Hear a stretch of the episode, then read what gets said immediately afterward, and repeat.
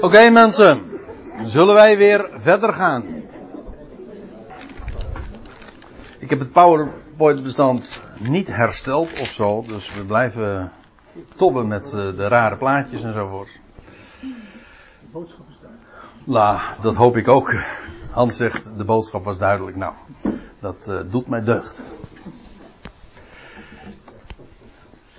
In ieder geval uh, ook dit, dit schematische, deze schematische voorstelling uh, verschafte ook een, ja, een, een, tijdlijn die we eigenlijk op andere wijze ook al waren tegengekomen. Maar dit is dan meer vanuit, vanuit de Thessalonicense brieven dan.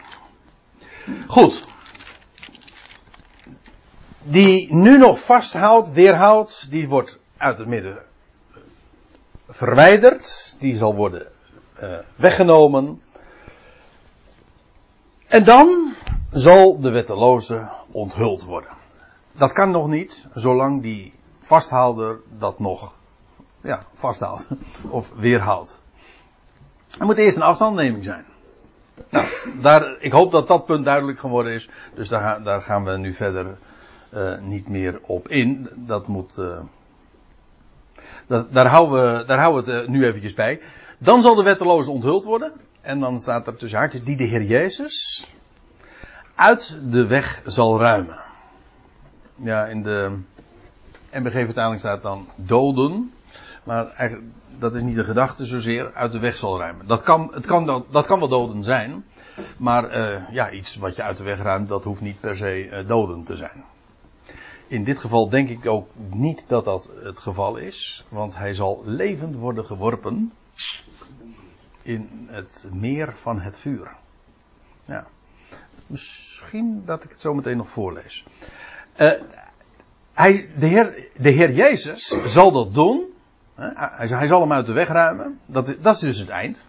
Nou ja, uh, ja, ik weet het. Als u zegt, hij is toch ook een redder van deze man. Natuurlijk, natuurlijk. Maar nu eventjes als, als mens der wetteloosheid komt hij smartelijk aan zijn eind. En dan is hij dus, als hij gered wordt, dan is hij geen mens meer. Hm? Dat, is, hetzelfde, eventjes uh, een ander punt. Als we vragen van, denk jij dat de Satan gered wordt? Dan zeg ik nee. Sorry. Dan zeg ik nee. Want als hij gered wordt, is hij geen Satan meer. Ja. Dan is hij geen tegenstander meer. De tegenstander wordt niet gered. Hij, hij zal zich, hij, alleen door onderschikking, door luisteren, door geloof, door aanvaarden, uh, wordt, vindt redding plaats. En dat geldt. Uh, maar in die functie, als diabolus, als, als, als Satan, als mens der wetteloze, als zodanig, een ongelovige in die zin wordt, dus ook niet gered. Hij is een redder van alle mensen, maar is geen redder van ongelovigen als zodanig. Ik, is duidelijk? Ja. Nou ja, dat is eventjes terzijde, hè? Colossense 1, ja. Die de heer Jezus uit de weg zal ruimen in de adem van zijn mond. Mooie uitdrukking. Zo. Maar er zit hier ook de gedachte bij van zijn woord. Maar dat is geen tegenstelling hoor. Want eigenlijk woord is ook adem. Toch? Ook gewoon als je het uh, puur biologisch of hoe zeg je dat? Natuurkundig bekijkt. Uh, je probeer maar eens een keertje een woord te zeggen zonder adem. Dat, bestaat, dat gelukt niet. En sommige mensen die. Uh, nou ja. Nee. Nee, ik wou, jij, nee, jij denkt nu weer aan uh, spreken met consumptie, maar dat is weer wat anders. Nee, over, uh, over adem. Um, de adem van zijn mond in zijn woord. En ik kom er straks nog even op terug als we naar openbaringen gaan. Openbaring. En er staat erbij. En, en hij zal hem uit de weg ruimen. Hoe? In, in de adem van zijn mond. Ook in zijn spreken. En buiten werking zal stellen. In het tevoorschijn komen van zijn parousia. Dat is trouwens ook mooi, hè? De tevoorschijnkoming, uh, of de verschijning, zoals het in de MBG-vertaling staat. Van zijn parousia. Er zijn, zijn twee begrippen. Zijn parousia, zijn aanwezigheid. Maar in zijn, hij zal tevoorschijn, eh, er wordt gesproken over uh, de Heer Jezus. Over de, het tevoorschijn komen van zijn parousia. En in het tevoorschijn komen van zijn parousia, zal hij hem in de adem van zijn mond uit de weg ruimen. Dat is wat er staat. Parousia, dat is dus aanwezigheid. En tevoorschijn komen, ja, nou ja, wat eh, betekent dat? Dat betekent dat het zichtbaar wordt. Dat is nog niet per se dus hetzelfde. Je kunt aanwezig zijn, hè. Ja. Ik zie je wel, maar ik hoor, eh, nee, ik hoor je wel, maar ik zie je niet. Hè? Je kunt aanwezig zijn zonder uh, zichtbaar te zijn. Nou, dat is met de Heer ook zo. Hij zal straks ook zichtbaar worden. Ik denk ook uh, dat, zoals dat trouwens Ooit in die veertig dagen dat de Heer op aarde nog was, na zijn opstanding, werd hij ook, je leest ook, verscheen hij op allerlei plaatsen. Wij verschijnen niet. Ja, we zeggen het wel eens een keertje, ja, je ziet me wel verschijnen.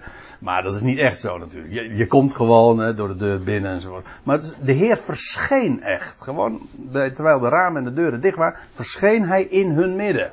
Dat was een verschijning. En ik geloof ook dat, ja, dat is een. Ik, ik, ga dat nu niet aantonen, maar hoewel we hebben het er ook wel over gehad dat als de Heer zal, als straks in die, in die, die 1260 dagen, dat, die, dat dat overblijfsel in de woestijn een plaats heeft, hè, een, waar ze verzorgd zal worden, dat de Heer daar ook zal zijn. En wij ook. Daar hebben we het uh, bij een andere gelegenheid wel eens over gehad. We zullen daar, uh, wij zullen hen van voedsel voorzien. Ik denk ook in ieder geval geestelijk. We zullen daar gewoon zijn. Ondanks het feit dat hij niet zichtbaar is voor de wereld. Nou, eigenlijk dus een hele intieme aangelegenheid. Er staat in Matthäus 24, eh, ik, nog eventjes een, eh, ik kom vanzelf weer eh, uit bij de tekst, maar er staat in, in, in Matthäus 24, als men zegt tot u, hij is in de woestijn, Nee, er staat, als, hij, als men zegt hij is in de binnenkamer of van de tempel, dan zeg geloof het niet. Als men zegt hij is, zie hij is in de woestijn, gaat er niet heen. Daar zou je onder kunnen verstaan dus. Daar is, daar is die inderdaad wel, maar ga er niet naartoe, want daar kan je helemaal niet, daar kun je ook dan uh, helemaal niet meer naartoe. Just a thought.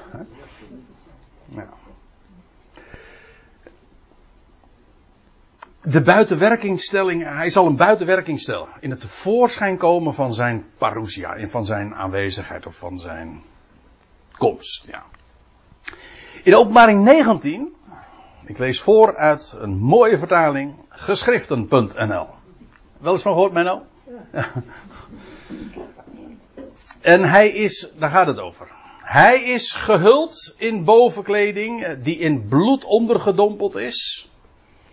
En zijn naam is genoemd het woord van God. Nou, dan weet je eigenlijk meteen over wie het gaat. Wie heeft de naam het woord van God? Hij is, het vlees geworden woord. De, degene die dit heeft opgetekend, dat was Johannes. En die had eerder al een evangelie geschreven. En daar begint hij ook zo mee. In het begin was het woord. En het woord is ook later vlees geworden. En hij is dat woord van God. En straks uh, zal hij komen. En dit wordt dan in, uh, ja, in hele beeldende taal allemaal gezegd. En dan staat er in vers 15. En uit zijn mond komt een scherpe zabel. Of een scherp zwaard staat er in de MBG-vertaling. Het idee is in beide gevallen identiek. Uiteraard is dit beeldspraak. Want wat komt er nou uit je mond? Ja, woord. Ja, of adem. Maar dat is geest. Dat is trouwens ook mooi, hè? Adem is feitelijk in de Bijbelse zin uh, geest. In, in, in het Hebreeuws en het Grieks zijn dat ook identieke begrippen zelfs. Ruach, uh, pneuma, dat is, dat allemaal hetzelfde. Eigenlijk staat het voor alles wat je niet kan zien. Of in beweging gebrachte lucht. Je ziet de effecten ervan. Maar je hoort, je hoort zijn geluid, dat wel. Maar je ziet het niet. En dat is met geest ook. Je hoort het wel. Dus woord, eigenlijk, woord en geest, dat, dat klinkt heel theologisch. Hè, woord en geest zijn identiek. Woord is geest. Woord is dat wat uit zijn mond komt. Geest. Uit zijn mond komt een scherpe sabel. Dat is het woord. Een, scherpe, een tweesnijdend zwaard heet het dan ergens anders. Maar waar komt woord anders uit vandaan? Dan uit de mond. Het woord Gods. Een mens zal leven van elk woord dat uit de mond Gods uitgaat. En uit zijn mond komt de scherpe sabel om daarmee de, de natieën te slaan. En hij zal hen hoeden met een ijzeren knots. En hij treedt de perskuip van de wijn, van de woede, van de boosheid van God, de Almachtige. Boek Openbaringen, als, als, als de Heer openbaar gaat worden. Dat berg je dan. Nou, in ons geval, we worden geborgen. We zijn geborgen. Maar goed. Uh, er is een speciale aanleiding natuurlijk waarom ik naar openbaring 19 gaat, ga. Uh, in de eerste plaats, uit zijn mond komt een scherpe zabel. Nou, dat komt dus overeen met het feit dat die wetteloze eh, uit de weg geruimd wordt door de adem van zijn mond. En, en, die, de, en, en wiens mond? Wel, degene die, die heet het woord van God. En ik nam het wilde dier waar. Dat is het, uh, wat in de meeste vertaling dan het beest heet. Hè? Het wilde dier. Maar een beest is een wild dier. Nou, daar hou ik het maar even bij. Ik ken ook, tamme dieren zijn voor mij ook beesten, maar dat is, een, dat is mijn afwijking. En de koningen van de aarde en hun legers, die verzameld zijn om oorlog te voeren tegen hem die op het paard zit en tegen zijn leger. En het wilde dier wordt gepakt, het beest. Het, gaat hier trouwens, interessant. Soms is dat beest gewoon het rijk het, het koninkrijk, hè, met, die, met die zeven koppen, hè, met die zeven hoofden, maar ook met die tien horens. En dan is het eigenlijk het, het koninkrijk in zijn totaliteit. Maar soms is het ook gewoon de leider van dat, dat wereldrijk. En soms, dan moet je, ja, het, is net de context wat aan moet geven of het gaat, gaat het nou over de leider, degene die dat koninkrijk representeert, of gaat het over het koninkrijk zelf? Dat, is, uh, dat hangt er soms vanaf. Zo zeggen wij dat trouwens ook. Hè. Dan gaat, uh, gaat Nederland op bezoek uh, in de Verenigde Staten. Nou, gewoon, ja, uiteraard niet heel Nederland, maar degene die Nederland representeert. Zo. En het wilde dier wordt gepakt en met hem dan zie je dus inderdaad dat het over één iemand gaat, een man. Die, de pseudo-profeet. Oftewel de, de valse profeet. Die de tekenen voor zijn ogen doet, waarmee hij degene doet dwalen die het merkteken van het wilde dier, van het beest dus, in ontvangst nemen. En degene die zijn afbeelding, zijn beeld aanbidden. Let even op, want we komen er straks nog even op terug. Uh, hier lees je dus over die pseudo-profeet, die valse profeet. Het is eigenlijk een tweemanschap. Nou, je zou zelfs kunnen zeggen een driemanschap. Een drie-eenheid. Ja. En ik heb het niet zo op die drie-eenheid, zeker niet deze. Want uh, dan, wordt, dan lees je later ook. Nou, heb ik er nog een? Ja. Moment die pseudoprofeet, die doet geen valse, die doet, ja, die doet wel valse dingen, maar die doet geen trucjes hoor. Nee, die doet de tekenen voor, voor zijn ogen. Dus je hebt dat, dat de, de, de, de representant van het wereldrijk dat uit de zee komt. Je leest toch dat het wilde dier dat komt uit de zee. En je leest ook over die, een beest uit de aarde. En dat is de valse profeet. Dat verzin ik niet, dat staat gewoon letterlijk in openbaring 13. Die uitleg wordt er gewoon bijgegeven. Die beeldspraak, zeg ik even bij, die beeldspraak in het boek Openbaring, dat heeft de reputatie soms heel ingewikkeld te zijn. En dat valt, uh, uh, dat valt soms reuze mee. Waarom? Omdat er heel vaak gewoon bij staat, nou, dit is dat. En de, en de vrouw die gij zaagt, dat is de stad Babel. Nou, dan weet je dat ook weer. Waarna vervolgens mensen zeggen van ja, en wat is die stad Babel dan weer? En die gaan dat dan ook weer uit, vinden dat dat dan ook weer uitgelegd moet worden, maar volgens mij is dat uitleg. En hier ook uh, die pseudoprofeet die, die zal tekenen voor zijn ogen doen, waarmee hij degene doet dwalen, die het merkteken van het wilde dier niet uh, in ontvangst nemen, sorry, en degene die zijn beeld of zijn afbeelding aanbidden. En de twee, die werden levend in het meer van het vuur geworpen, dat van zwavel brandt. Ik denk dat dat letterlijk ook een meer, het meer is, dat van, dat, uh, van vuur namelijk de Dode Zee. die ooit in het verleden al zo het meer was. Dat branden van vuur, dat, uh, dat uh, ja, branden van vuur en zwavel, je leest dat in, uh, nou ja, waar nu de Dode Zee dus is. Vergeven nog steeds van zwavel trouwens. Dat is het meer. Dus ik denk letterlijk dat het een meer is. En het feit dat die twee levend worden geworpen in dat muur, in, in, dat, in dat vuur. Later lees je trouwens na de duizend jaren uh, krijgen ze gezelschap van Satan zelf, ja. Die wordt in dat, uh, en daar staat er, en, zij werden ge, gepijnigd dag en nacht tot in de Ionen. Ja. En dus dan heb je inderdaad dat driemanschap dus. Dat wijst er inderdaad ook op dat die twee figuren ook uit de afgrond komen. Dat lees je trouwens ook van het beest. Ze komen ook uit de afgrond. Dat zijn maar niet zomaar mensen. Dat zijn ook, ja, uh, kennelijk zijn dat uh, gematerialiseerde geesten. Ja, we gaan nog, of we gaan, dus, dat gaat nog wel gebeuren hoor. Op aarde. Dus ze komen uit afgrond. Dus, eh, want kijk, een mens van vlees en bloed zomaar, die, houdt die, die, die kan daar in dat meer van dat zo brandt, uh, houdt het helemaal niet uit. Die, dan, dan blijven niet in leven. Maar die geesten, die worden daar bewaard. En de pijniging, denk ik, die, daar, die zij ondergaan, is, is denk ik vooral ook met recht geestelijk. Omdat zij, ja, ze, ze zijn van hun macht uh, en aanzien enzovoorts uh, beroofd. Maar dat is weer een ander punt. Ik, uh, waarom noemde ik het ook alweer?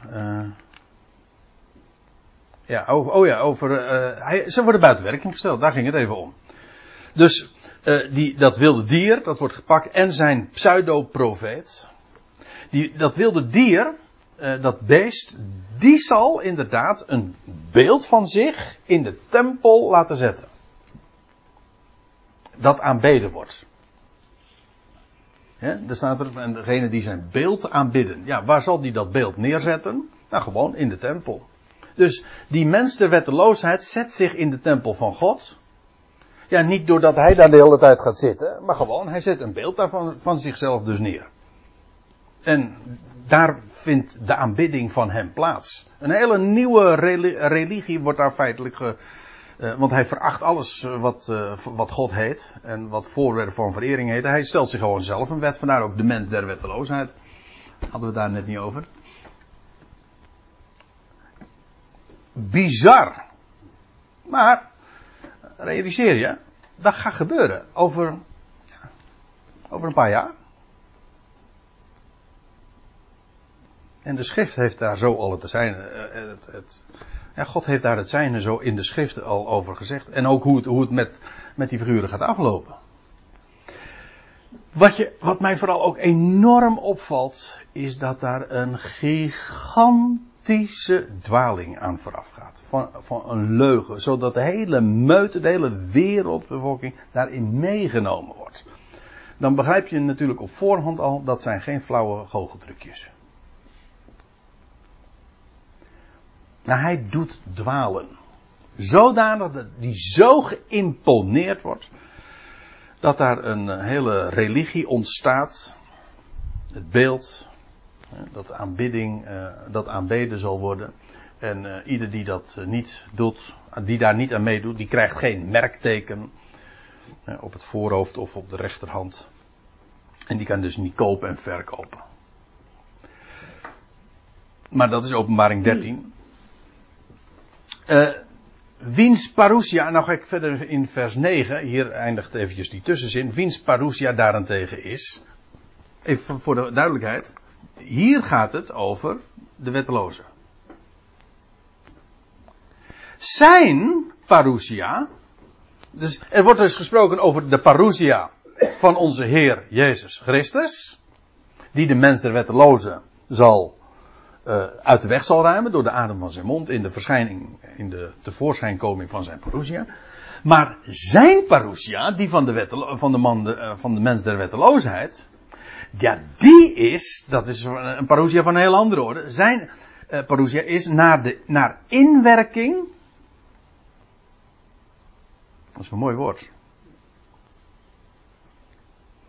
Um, waar, waar, zie, ik dat nu? Oh ja. Oh ja, precies. Oh, dat, dat is ook zo. De inwerking, dat is. Ons woordje energie is trouwens daarvan afgeleid. Energie betekent letterlijk dat eh, egerga, eh, eh, wat is dat? Uh, ja, energia, dat is dus en, en dat is in, en dat, uh, dat, dat, dat laatste deel van het woord, dat betekent uh, werking. Dus eigenlijk inwerking. Dat is energie. Zijn parousia is naar, de inwerking, de inwerking van Satan. We weten, die mens der wetteloosheid zal verschijnen. Ja, dat kan. Die zal onthuld worden, maar dat is een puur satanische activiteit. Logisch, want de Satan zal dan op aarde zijn geworpen. En dan zal die zich dus meester maken van, van, van deze mens. Naar inwerking van de Satan in alle kracht en in tekenen en in wonderen van leugen. Uh, overigens, de wonderen van leugen betekent niet dat, die, dat er geen echte wonderen zijn. Nee, het zijn, het zijn geen goocheltrucs, zo van die de mensen uh, bedriegen. Nee, het zijn wonderen van leugen. Het zijn wonderen die de leugen ondersteunen. En die de, die de leugen als het ware belichamen en uitdragen. Dat zijn wonderen van leugen.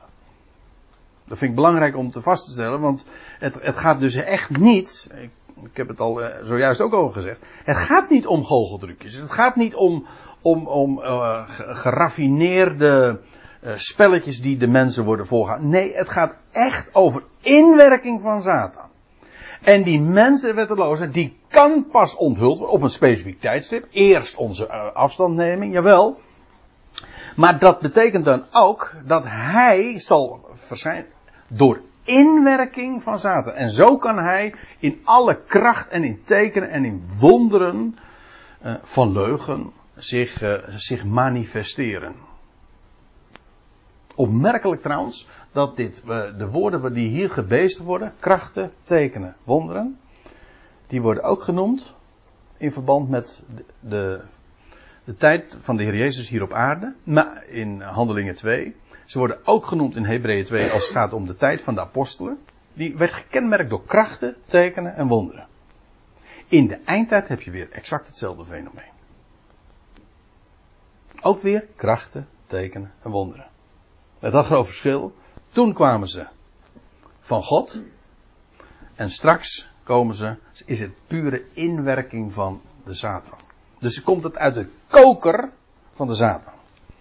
Je moet eraan denken, alle mensen die vandaag zo enthousiast zijn over krachten, tekenen en wonderen.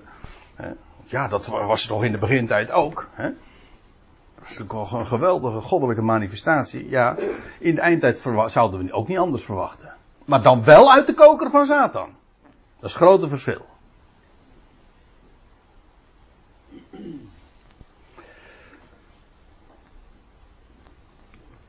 Ik neem u weer even mee naar openbaring. En ik refereerde er zojuist al even aan. Johannes zegt. En ik nam een ander wild dier waar. Hij had zojuist in het voorgaande de eerste tien versen had hij gesproken over, ik zag een wild, uh, wild dier, een beest uit de zee komen. Uit de, volk, uit de Volkerenzee. En nu ziet hij een ander wild dier, een ander beest, twee beesten dus. Een ander wild, dier, een ander beest, dat opkomt uit de aarde of uit het land. Dus in, in, de, in uh, het Grieks zijn dat volstrekt identieke woorden. Het zijn, uh, is geen verschil, het verschil maken wij, maar in het Grieks speelt dat geen rol. De aarde is het land. Dus je hebt aan de ene kant dat beest dat uit de Volkerenzee komt. En aan de andere kant komt er een beest. Later wordt hij dan genoemd de pseudo-profeet, de valse profeet. En die komt uit het land. Wat je natuurlijk direct koppelt aan Israël. De zee, de Volkerenzee en het land. Het had twee horens. Die lijken op die van het lammetje. Ah, dat dus wel.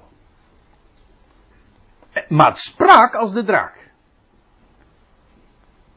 Dus je herkent hem niet aan, aan, aan, het, aan het. Voor het oog zou je zeggen, waarachtig zeg. dat is toch krek het lammetje. Ja, maar. Waarom lach je, hè? Krek? Oh ja, sorry. nou ja, in Aalsmeer, eh, daar, kom ik, eh, daar gebruiken we het woord heel vaak. Ik, ik, wist niet dat ze dat in Rotterdams. ik, eh, als twee druppels water. Ja. Als twee druppels water. Nou, in dit geval als twee horens. Hè. Het is krek het lam. Ja, ik ga toch niet, echt niet alles herhalen, eh, Thijs. Nee, dat gaan we niet doen.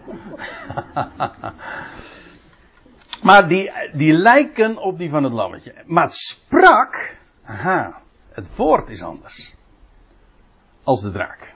En we weten wie die draak is, want dat eh, wordt in openbaring 12, was dat al gezegd, vers 12. Dat is de oude slang, oftewel de Satan, Satan of de Diabolos. Kortom, over zijn identiteit hoeven we niet eh, te, hè? Te discussiëren. Nee, die, is, die staat vast, ja. Nou ja, dan weet je ook inderdaad eh, waar, eh, hoe die opereert. Als, hij sprak als de draak. En het oefent al de autoriteit, de volmacht uit van het eerste beest, het eerste wilde dier, voor diens ogen uit. Dus die twee, dat is nauwe samenwerking. En eigenlijk, zoals gezegd, eigenlijk zijn er drie, want het is op de achtergrond, eh, is het, is de inwerking, wat we net lazen, de inwerking van de Satan die uit de, eh, die uit de hemel geworpen is. En die dan zich zal manifesteren in, via eh, zowel dat wilde dier uit de zee als ook uit, in, die, in zijn pseudo-profeet. Maar ik, ik lees het eigenlijk ook met het oog op iets anders. Namelijk vanwege die wonderen en tekenen en die krachten die hij zal verrichten. Het oefent al de autoriteit van het eerste wilde dier voor diens ogen uit en het bewerkt dat de aarde, eh, je zou ook kunnen lezen het land. Dat zeg ik weer even bij. En zij die daarop wonen, het eerste wilde dier, zullen aanbidden. Wiens dodelijke slag genezen werd. Hé, hey, dat is ook eigenaardig. Wat is dat dan? Zullen we daar over andere keren eens over spreken? En, nou komt het. Ja, want ik moet wel een beetje bij de les blijven. En het doet grote tekenen. Megatekenen staat er. Ja, zodat het zelfs vuur uit de hemel doet neerdalen op de aarde. Voor het oog van de mensen. Nou, neem me niet kwalijk, maar dat, dan praat je inderdaad over echt een mirakel. Dat is echt, dat is niet een, eh, dat is geen, eh, hoe heet die, Hans eh, Kazan of zo. Hè? Nee, dat is geen goochelaar. Dit is echt, dit is echt de, de krachten, machten van de duisternis die dan zich meester zullen maken. Ik, eh, ik maak nog sterk dan eh, op dat moment, eh, eh, nou even later al sowieso niet meer, maar ook in deze periode ga ik ervan uit, dan zijn er geen atheïsten meer. Nee, dan, dat is gewoon, dat die filosofie heeft echt zo lang zijn, leven, zijn tijd gehad. Nog een paar jaar en dan hebben we geen atheïsten meer. Ja. Nee, want voor het oog van de mens. En het doet hen die op de aarde wonen dwalen. Kijk, daar heb je het. Die leugens. Ja, daar, daar dient het ook voor, want het waren wonderen, hebben we gelezen, van leugen. En waar, hoezo? Wel, het doet dwalen. Het meest kenmerkende, ik herinner me dat, ik, dat we het vorige seizoen er ook al over gehad hebben, Matthäus 24. Het eerste wat de Heer Jezus zegt als hij op de Olijfberg eh, spreekt over, over het einde van de dan zegt, zie toe dat niemand u verleidt. Met, eh, kennelijk eh, is misleiding het meest karakteristieke van de eindtijd. Ik zou haast zeggen fake nieuws. Hm? Je wordt misleid. En inderdaad, mensen, eh, eh, je raakt ook compleet gedesoriënteerd. Eh, Wat is waar, hè? Nou, dan gebeurt dit dus, hè, voor het oog van de mensen. En doet hen die op de aarde wonen, of het land wonen. Nou, ik hou het even in het midden, beide kan. Dwalen. Vanwege dus de tekenen. Ja, logisch, dat, dat, is, daar dienen die tekenen ook voor. Om, om te bewijzen, om zich te legitimeren. Die aan hem gegeven werden te doen. Voor de ogen van het wilde dier. uit de zee dus. Hè. En het zegt tegen hen die op de aarde of het land wonen, dat zij een beeld, ja, ik, ik noem nu beide opties even, maar daar zit meer aan vast dan dat ik zo eventjes zeg. Maar, want het, het raakt bijvoorbeeld de vraag in hoeverre die aanbidding inderdaad uh, gaat. Gaat die over het hele Midden-Oosten? Of uh, is het een globale aangelegenheid? Kijk, als je zegt de aarde, dan denk je meteen aan, aan alle drogen. Maar het kan ook heel specifiek het land zijn. En in dat geval praten we over, de, de, over dat wat in het land zal plaatsvinden. Eventueel daarbuiten, maar dat, dat, dat, dat het onderwerp inderdaad het land is. Het is ook het beest uit het land tegenover het beest uit de Volkerenzee. Nee, ik doe daar geen uitspraak over. Ik, ik zit daar zelf ook over te denken. En hoe, hoe, hoe ver zal die, die, die dienst van dat beeld dat zich dat gevestigd zal worden of dat geplaatst zal worden in die tempel, uh, hoe, hoe ver zal die, dat, dat reiken? En het zegt tegen hen die op de aarde, het land wonen, dat zij een, afbeelding moeten maken voor het, uh, een beeld moeten maken voor het wilde dier, voor het beest dat de slag van het zwaard heeft, maar leeft. Dat is, dat is trouwens ook miraculeus. Hè? Een dodelijke wond, maar genezen. En het werd aan hem gegeven en uh, geest aan de afbeelding van het, uh, van het beeld dus, uh, van het wilde dier te geven. En nou lees ik even niet goed. Het werd aan hem gegeven. Geest aan de afbeelding van het wilde dier te geven. Oh ja, zo. Zodat de afbeelding, het beeld van het wilde dier ook spreekt. Kijk, dat is wat. Dat betekent dus. Er gaat. Maar dat lazen we ook dus in 2 Thessalonicenzen 2. Er gaat dus. Die mens der wetteloosheid zal zich in de tempel God zetten. Ja, maar dat is niet daar gaat hij niet hoogstpersoonlijk zitten. Nee, een representatie. Zijn beeld zet hij daar neer. Maar dat is niet zomaar een beeld. Nee, dat is een beeld dat, waarvan hij, uh, dat het vermogen heeft, dat geest krijgt. Zo staat het er. Zodat het in staat is te spreken. En, en dat het maakt dat allen die de afbeelding, dat beeld van het wilde dier, niet aanbidden, gedood worden. Begrijp je nu ook waarom gesproken wordt over een grote verdrukking? Voor degenen die dan recht willen staan en vasthouden aan het woord. Hè, van, ja, en die dan niet gevlucht zijn en die geen onderkomen in de woestijn hebben. Ja, dat is gigantisch. Nou ja, vandaar ook eh, die dat beeld niet aanbidden, die worden gedood. En dat maakt dat al aan allen, de kleine, de grote, de rijken en de armen, de vrije en de slaven, een merkteken gegeven wordt. Op hun rechterhand, daar hadden we het zojuist even over. Of op hun voorhoofd, zodat ook niemand kan kopen of verkopen, behalve zij die het merkteken van het wilde dier hebben, of zijn naam of het getal van zijn naam. En u weet inmiddels natuurlijk wel wat dat getal is. Ja, dat is 666, ja. Maar dat heb ik er even niet bij betrokken. Want ja, niet omdat dat niet boeiend is of niet omdat dat niet relevant is. Maar het valt eventjes buiten het kader van dit onderwerp. Dat geldt trouwens ook over wat er economisch allemaal gebeurt. Maar je leest hier nogal wat hoor. Want het betekent dus inderdaad dat degenen die dus weigeren dat merkteken dragen, die krijgen een, een, een merkteken op hun rechterhand of op hun voorhoofd ja, die zijn dus helemaal uitgesloten van het economisch verkeer.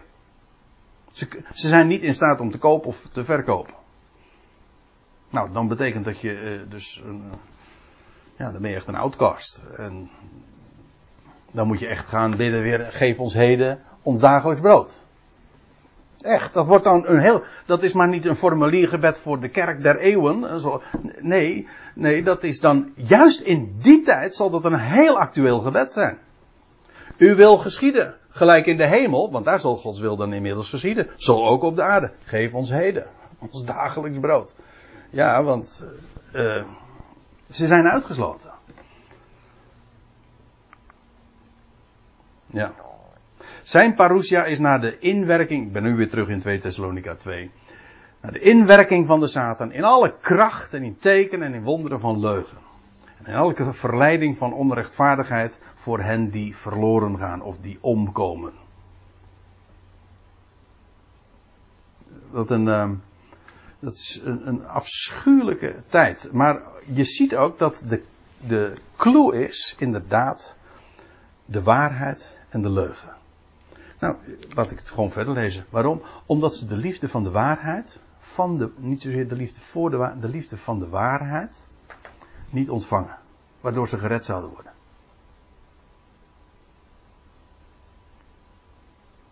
Wat redt, is de waarheid. Degene die in de leugen, die zullen dan ook omkomen. Is God ook hun redder? Ja, natuurlijk, dat blijft hij. Hij is hun redder. Maar redding vindt niet plaats door leugen. Dat geldt ook dan. Er zal dus, nou, dat wordt hier dus beschreven. Ik, ook, ik vind, dit zijn dus ook de brieven van Paulus. Hè? Sommigen zeggen van ja, wij prediken het evangelie van genade en verzoening dat hij een redder is van alle mensen. Natuurlijk, dat blijft staan. Absoluut. Maar die tijd die, die hier beschreven wordt, over die mens en, en, en over die inwerking van zaden, over die massale leugen, die, die, die zo de, de, de, de wereld dan in zijn greep zal krijgen, ja, zal men ook en masse inderdaad omkomen, verloren gaan. En dat is de grote verdrukking. Juist, ja. Ja. En daarom lees je ook in, ja, ik zit nu even te denken, goh, ik vind het eigenlijk zonde om dat nu af te raffelen. Maar laat ik het nog even lezen. Daarom zendt God, daarom zendt God, moet je nagaan, zendt God hen een inwerking van dwaling. Opdat ze de leugen zouden geloven. Als je de waarheid niet krijgt, als je de waarheid niet accepteert, ja, wat hou je dan over? De leugen. Dat alle geoordeeld worden die niet geloven in de waarheid. Maar er wel gevallen hebben in onrechtvaardigheid, waarbij je trouwens ook meteen ziet wat onrechtvaardigheid is. Van de waarheid. Dus verwerpen. Nou, maar ik, wil graag, uh, ik wil graag, want ik, dat, ik, zo kan ik niet afsluiten. Dat doe ik ook niet. Ik, zo sluit Paulus ook niet af. Dus, um, wij echter, dat wil ik in ieder geval al uh, gezegd hebben. Wij echter zijn verschuldigd God altijd te danken. Om, omtrent jullie broeders, geliefd door de Heer, schrijft Paulus dan aan de Thessalonikers en over hun hoofd heen ook aan ons. Omdat God jullie uitkiest. Vergis niet, zijn keuze. Hij kiest uit. Het feit dat, want kijk, het heeft twee kanten. Het is waar, wat, wat, waar we het zojuist over hadden, over, ja, als je de waarheid verwerpt, dan, blijf je, dan blijft de leugen over en dan kom je om. De andere kant is dat als je inderdaad de waarheid mag kennen, dan komt dat omdat God je uitkiest. En eh, als eerste vrucht van oogst. We zijn eerstelingen. Trouwens, ook daar zit een geweldige gedachte achter. Want ook als het waar is, niet als het waar is, ook het feit dat het waar is dat, dat er velen omkomen, ook zij zullen uiteindelijk bij die oogst behoren. Door leugen, door, pardon, door oordeel en dood heen. Maar, maar wij zijn uitgekozen om eerste vruchten, eerstelingen. En ja, eerstelingen, mijn broer Dirk die spreekt er altijd heel graag over. Als hij dan de inleiding houdt in Soetermeer, als ik dan daar samenkomsten zijn, dan, hij, is een, hij is een kweker. Hè. En dan, zegt hij, heeft hij het altijd over de eerstelingen van de oogst. Dat zijn er gewoon een paar.